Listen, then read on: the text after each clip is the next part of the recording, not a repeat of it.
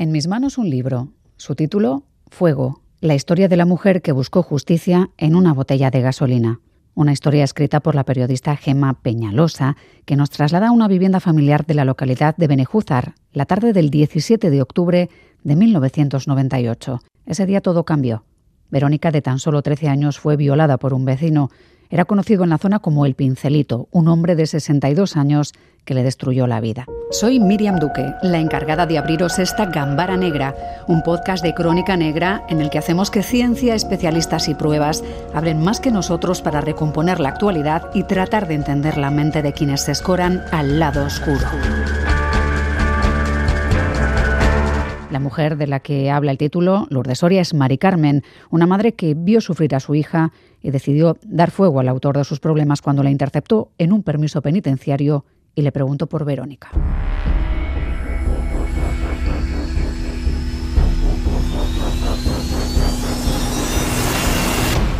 Mañana del 13 de junio de 2005, María del Carmen García, de 51 años, esperaba el autobús en la parada de Benejúzar, en Alicante.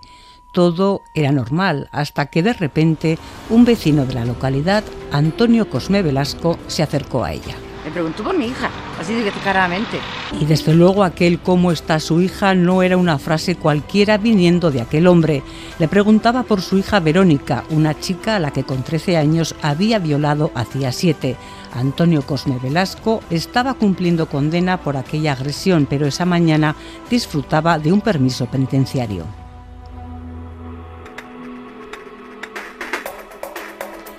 Indignada, María del Carmen respondió a aquella pregunta con maldito, maldito eres tú, y el hombre se marchó tan tranquilo a un bar de la localidad.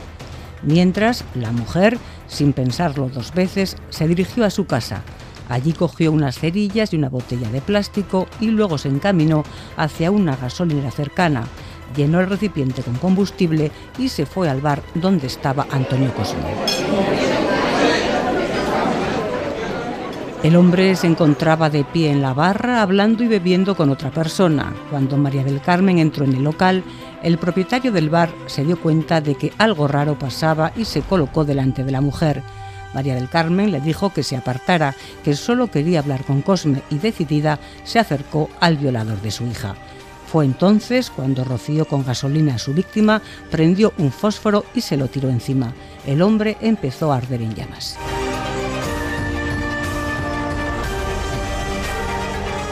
María del Carmen salió corriendo del bar y fue detenida esa misma noche en las inmediaciones del puerto de Alicante. Al parecer estaba desorientada. Su abogado habló de la reacción de una madre dolida. Cuando una persona no sabe lo que hace, si me entiende, yo he pedido perdón por lo que a mí me han contado. Cualquier persona habría hecho lo mismo sin estar loca. Si el violador de una niña se presenta delante de ella en un permiso carcelario y dice, buenos días señora, ¿cómo está su hija? Posiblemente sin estar loca habría hecho lo mismo. Una semana después del incidente, Antonio Cosme Velasco murió en el hospital por la gravedad de las quemaduras. María del Carmen fue condenada en 2010 a nueve años y medio de cárcel, aunque finalmente el Tribunal Supremo rebajó la sentencia a cinco años y medio de prisión al entender que el trastorno mental tuvo una especial trascendencia en la comisión de los hechos.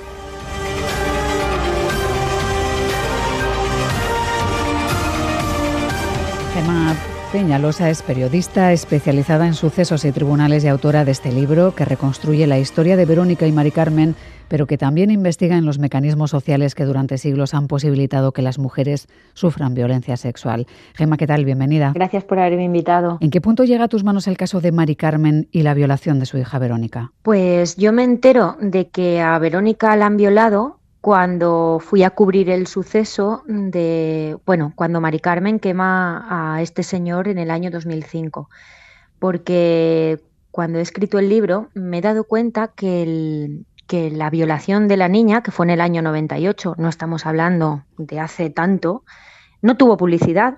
Eh, ningún periodista nos enteramos, eh, no tuvo publicidad aquella agresión tan, tan brutal, no tuvo publicidad el juicio, no tuvo publicidad eh, lo que había pasado y, la falta de cuidado que había tenido Verónica una vez había sido violada con 13 años por un hombre de 62 Y los periodistas nos enteramos cuando Mari Carmen eh, le prende fuego. Entonces eh, empezamos a investigar, bueno, esta señora ha prendido fuego a este hombre, ¿cuál es el origen, cuál es el germen, ¿no? La génesis de todo esto.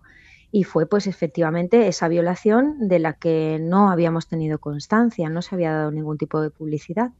Es la violación de una niña de 13 años en su propio pueblo, cuando la mandan a un pequeño recado a buscar el pan y bueno, ahí se, tuerce su vida para siempre por culpa de este hombre al que llamaban el pincelito en el entorno. Desde luego, Gemma, la violación es algo muy traumático, de lo que apenas se habló en ninguna parte, pero lo que sucede a partir de ahí es casi igual de doloroso, porque la acosan en clase, se ríen de ella, hasta un punto tan grave que la familia, bueno, pues empieza a trasladarla a casas de familiares de la zona para intentar alejarla de ese acoso, pero el acoso siempre vuelve, siempre la encuentra y esa niña, Gemma, acaba siendo una exiliada en su pueblo, ¿no? Como si hubiera sido castigada por el delito de otro. Claro, exactamente. O sea, es que em, ella tiene que luchar, ella y su familia, porque ella tiene 13 años, contra em, la, deslegitimación, ¿no? Eh, tener que, defender que ella había sido violada, tener que que defenderlo, que demostrarlo, porque nadie la cree, porque históricamente eh, las mujeres que han sido víctimas de violencia sexual y a día de hoy, aunque los mecanismos se han afinado muchísimo, sigue sucediendo, parece que tienen que trabajárselo muchísimo para que las crean.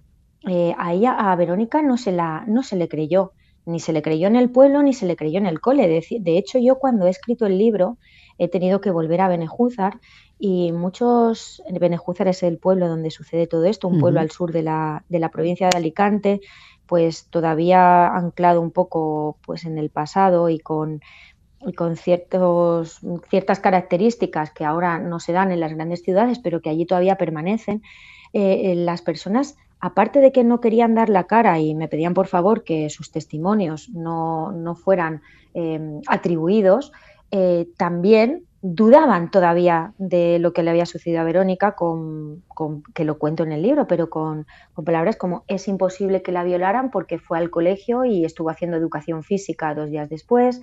Esta niña provocaba eh, unas cosas que, son realmente eh, muy llamativas y muy peligrosas que suceden hoy. Pues es que cuando la violaron en el 98 eran todavía más crudas porque históricamente el cuerpo de las mujeres violadas pues ha sido una especie de prolongación del, escenario del crimen, ¿no? Mm. O sea, como un almacén de pruebas a disposición de los investigadores. Y se exploraban los cuerpos sin tener en cuenta ni las emociones, ni los, ni los posibles traumas. Entonces, la idea de que estas víctimas requerían un tratamiento especial fue, fue filtrándose en distintos manuales eh, a lo largo del tiempo. De hecho, el Estatuto de la Víctima es del año 2015. ¿Y con esto qué quiero decir? Que si esto a nivel podríamos decir, académico o a nivel eh, político, social, era así, ¿qué no sería en un pueblo de 5.000 habitantes, en un pueblo profundo de 5.000 habitantes, que no, que no se entendió ni se la atendió, no se puso eh, a su servicio pues herramientas ni sociales, ni, ni psicológicas, ni económicas, ni, tampoco judiciales, porque cuando este señor se encuentra a la madre de la víctima y le dice, señora, ¿cómo está su hija? Este señor está de permiso penitenciario y ese, ya estamos hablando del año 2005. Nadie se pone en contacto con la familia para decir que este hombre, que este violador, iba a tener un permiso penitenciario y ver al pueblo. El juez no impone una orden de alejamiento. Cosas que ahora nos parecen eh, totalmente impensables, pues sucedían. Entonces, en el caso de, Verónica y, bueno, y lo que después hizo su madre, pues confluyen una serie de, elementos que hacen que tenga la historia pues este, este desenlace. A mí lo que me gustaría aclarar que es que en el libro en ningún momento mm, se valida eh, lo que hizo Mari Carmen, porque ella cometió un crimen. Claro, y ella acabó pagando por ese crimen, acabó eso es, ingresando en prisión, cumpliendo su condena, pero es verdad que se analiza un poco todo lo que iba en el entorno de, esa situación, porque se habla también de cómo en el juicio la violación quedó probada, por ejemplo, pero también, también fue absolutamente evidente la soledad, el desamparo que sufrieron madre e hija, porque estaban arropadas por su familia, pero estaban desamparadas ante unas instituciones que no entendían, ante la falta de ayudas. Hablabas de 2015, cuando ya se implementan bueno, pues otras leyes y otras políticas para para, prevenir este tipo de cuestiones, para ayudar a, las víctimas de violencia sexual, como en este caso. Claro, de ello se, se, analiza también mucho, ¿no? Se habla de casos en los que pasaron cosas similares, de cómo hemos evolucionado, y entiendo que con la mentalidad puesta en que esto no volvería a repetirse si hoy en día pasara algo así, ¿no? O al menos no de esta forma. No, claro, vamos, sería escandaloso. Sería escandaloso que una niña de 13 años, em, bueno, la hubiera violado un hombre de 62. Vamos, esto habría trascendido seguro. Bueno, con la protección eh, evidente de que ya es menor, había trascendido. No se habría como no sé, eh, como mm, naturalizado, que muchas veces estas agresiones, a lo largo de la historia, digo, ¿no? Históricamente, estas agresiones pues han estado, pues se han naturalizado, se han incorporado, se han callado por la vergüenza que, podía, que podía suponer, ¿no? Eh, obviamente, esta niña cuando en el año 2000 en el juicio tiene que declarar como víctima, a ella no le ponen una mampara para que no vea al agresor y le hace, el abogado le hace un interrogatorio del todo, mm, del todo, vamos, sin tacto, sin sensibilidad, que hasta el juez tiene que llamar la atención. Estas cosas ahora no suceden. Hmm. O sea, yo en el libro, mm, sobre todo, eh, centro un poco el debate eh, sobre la legitimidad de que las víctimas se tomaran la justicia por su cuenta. Vamos, que eso supondría el regreso a una, a una época que ya hemos superado. Pero las defensoras de Mari Carmen y los defensores y de Verónica se esforzaron en ampliar el terreno del debate. Es decir, eh, no solo en transgredían, ¿no? De decir, eh, esto es legítimo, porque evidentemente no, el ojo por ojo y el diente por diente no. No reclamaban ese derecho a la venganza de Mari Carmen, porque eso no es ningún derecho, sino en el reconocimiento de que tras la violación de su hija, ella ni la niña habían recibido una respuesta apropiada por parte de la sociedad, y no se habían activado los mecanismos adecuados. Eh, hay una cicatriz en ellas porque cuando este señor viola a la niña, le dice, como cuentes algo de todo esto, te corto el cuello con una corbilla. Y eso la niña lo interioriza. Y eso su madre lo interioriza también y vive con ese temor. Entonces, cuando encuentra a este hombre, le pregunta por la niña, hay una explosión mental en ella y eso lo recoge la sentencia, de terror en el que piensa, mm, este señor está afuera, prometió, le dijo a mi hija que si contaba esto le iba a cortar el cuello y la va a matar. Aparte de la provocación en la pregunta, por supuesto. Sí, sí, uno se siente invulnerable, entiendo, vuelve a su pueblo, porque además eh, en ese pueblo ya, ya vamos a hablar también de esto, hubo muchas manifestaciones a favor de, este hombre, muchas más de, las que se hicieron en apoyo a Verónica y, a su madre, una madre además que tuvo problemas psicológicos y estuvo medicada prácticamente desde que aquello le ocurrió a, a su hija, no desde que fue violada. Eso se tuvo en cuenta en el juicio, pero fue condenada y ahí empezó un poco una larga lucha para pedir indultos en que poco a poco se fueron bueno, pues involucrando también asociaciones feministas del entorno, tratando de hablar, como decías, de la poca prevención que hubo en, proteger a la niña tras lo que había pasado y bueno, pues tratar de, evitar que aquello pareciera la ley del, del, talión. Como sociedad en aquel entorno no encontraron empatía para, para las víctimas y a veces cuesta entenderlo, ¿no? Pero claro, pensando, por ejemplo, en el caso de Nevenka Fernández, que fue posterior, pero que también era de una chica de 26 años de Ponferrada, concejala, que denunció haber sido acosada sexualmente y laboralmente en el 2000 por el que era el alcalde de Ponferrada en aquel momento. Bueno, pues sufrió todo un asalto ¿no? contra su imagen, a su dignidad por parte de los vecinos. Incluso el fiscal llegó a decir cosas terribles que también tuvo que ser apartado definitivamente Claro, la revictimación de, revictimización de quien denuncia algo así es algo que se ha producido en muchos entornos, ¿no? Y no hace tanto, como mencionabas, ¿no? Hablábamos del 98, del 2000, hemos avanzado mucho, pero bueno, estamos todavía con un pasado cercano que a veces asusta. Eso es, como decías, pues en, en estos casos hay muchos lugares comunes todavía. De hecho, ahora que estabas mencionando la, vamos, la desfachatez del fiscal en el caso Nevenka, yo recuerdo ahora, eso es, la sentencia de la manada, mm. que es del año 2016, que tampoco está tan lejana, hubo un voto particular de un juez en el que decía que la víctima eh, apreciaba jolgorio en ella. Entonces, este tipo de cosas es en el libro eh, intento reflexionar eh, sobre cómo hemos avanzado como sociedad, pero que todavía quedan muchas cosas por afinar y muchas cosas por, por, acotar, ¿no? Porque, porque suceden todavía todavía se pone en duda a las víctimas. Todavía tienen que luchar, todavía tienen que ser víctimas ideales, hmm. porque si no son víctimas ideales parece que pierden, que pierden fuelle. Es decir, Nevenka a lo mejor no era una, con víctima ideal me refiero, una mujer con un trabajo súper estable, con una familia o con unos estudios o de un nivel eh, social y económico eh, alto. ¿Qué pasa? Que a una, una mujer que ejerce la prostitución o en el caso de Verónica y, Mari Carmen, que eran mujeres, pues eh, Verónica no era una niña dócil, eran unas mujeres pues que tenían su carácter, que eran controvertidas, que no se lleva bien con las vecinas, que a estas personas ya no se las cree porque no, no son víctimas ideales. Entonces, con esto tenemos que hacer también una reflexión y también desde los medios de comunicación, ¿no? A la hora de, tratar la información y, de, y de ponerla sobre la mesa. Sí, porque hablábamos de bueno, pues algunos juicios como el de Nevenka que se ganaron, se ganó aquel juicio, pero la batalla social en aquel entonces estaba perdida. Claro. Pensemos que, hemos evolucionado mucho en todo esto. Reflexionas sobre muchas cosas, también hablas un poco de la protección de los más pequeños, de cómo históricamente niños y niñas abusados pues han tenido muchos problemas para que se creyeran sus historias, ¿no? Y mencionas pues a, esa niña Marie criada en casas de acogidas y cuya historia, que es muy tremenda, la recogen en el libro, creedme, dos periodistas, ¿no? Ken Armstrong y, Christian Miller, y ayuda a pensar un poco, ¿no? Mm, con el libro ayuda a pensar un poco lo que ha pasado, ¿no? Lo, lo que ha costado que creyésemos a, niños que, tenían problemas en sus vidas para que pudiesen contar y, sentirse respaldados, ¿no? Y seguros una vez eh, hecha esta denuncia.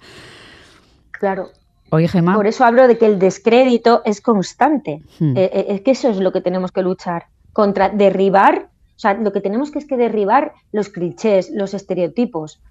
Eh, porque una víctima es una víctima como decía antes, no hay víctimas ideales y víctimas, no sé, ahora se me ocurre el caso que es más reciente, el de Marta Calvo, esta chica de Valencia que murió, que todavía no ha aparecido, que su, que su asesino dice que la descuartizó después de haber tenido un encuentro sexual en el que eh, le introdujo cocaína en sus órganos y acabó muriendo.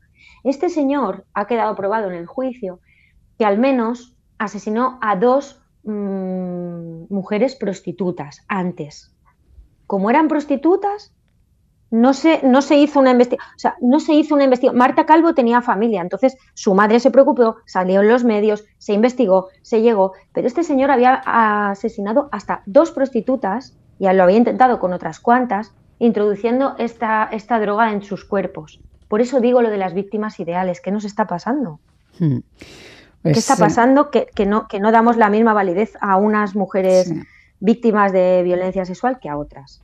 Pues de eso se reflexiona también en este caso. Hoy recordábamos eh, con fuego la historia de aquella niña que nunca se reivindicó lo que le había sucedido, de esa madre que vivió aterrorizada porque volviese a pasarle y acabó dando fuego a, su agresor cuando se lo encontró en la calle y le preguntó por la niña a bocajarro en un permiso penitenciario. Pero como decíamos, también es una reflexión sobre cómo hemos cambiado y lo que nos queda por evolucionar como sociedad también para mejorar las cosas. Agradecemos mucho su tiempo a Gemma Peñalosa, es periodista, está especializada en sucesos y Tribunales y es la autora de este trabajo, de este libro que se titula Fuego y que reconstruye la historia de dos vidas rotas, pero que también investiga en los mecanismos que durante siglos han amparado esa violencia sexual.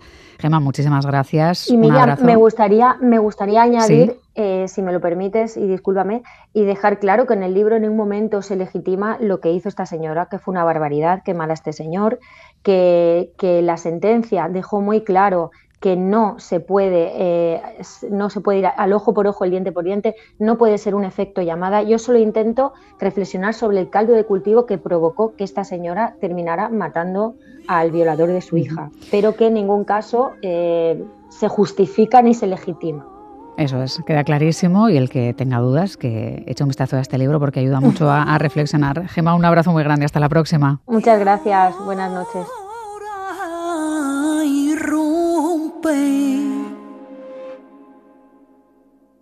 Ahora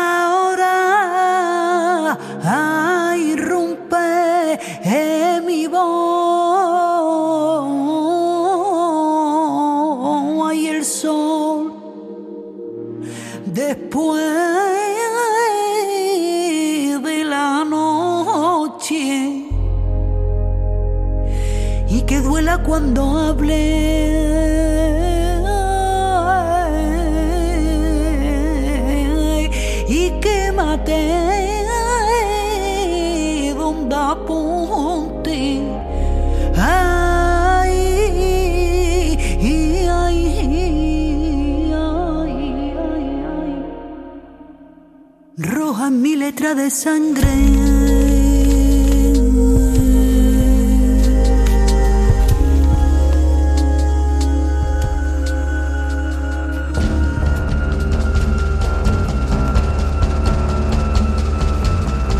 Gambara Negra, el podcast de crónica negra e investigación de EITB Podcast.